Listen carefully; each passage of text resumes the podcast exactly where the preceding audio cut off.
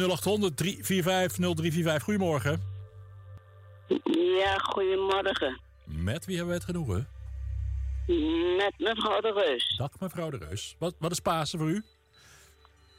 Nou, ik vind dat Pasen moet blijven. Ja, dat zal nog wel een tijdje blijven, denk ik. Maar in wat voor vorm?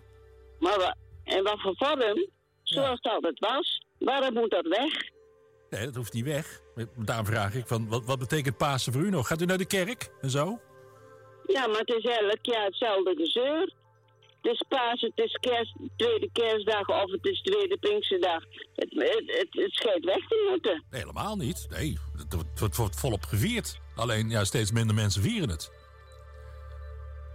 En wa- Ja, hoe, eh, steeds mensen vieren het. Er wordt een beetje aangepraat of zo. Nee, maar vi- vi- vier, vier het zelf.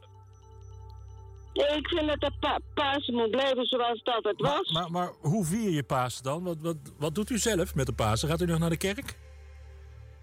Dan moet ik toch zelf weten. Nee, maar dat vraag ik. Hoe vier je Pasen? Dat is de vraag vandaag.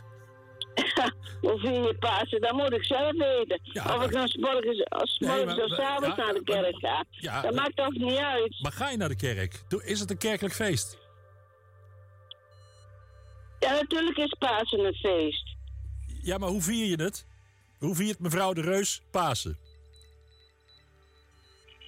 Ja, Ja, zoals altijd. Al 30 jaar. en dat is naar de kerk gaan? Hoe- Dat is,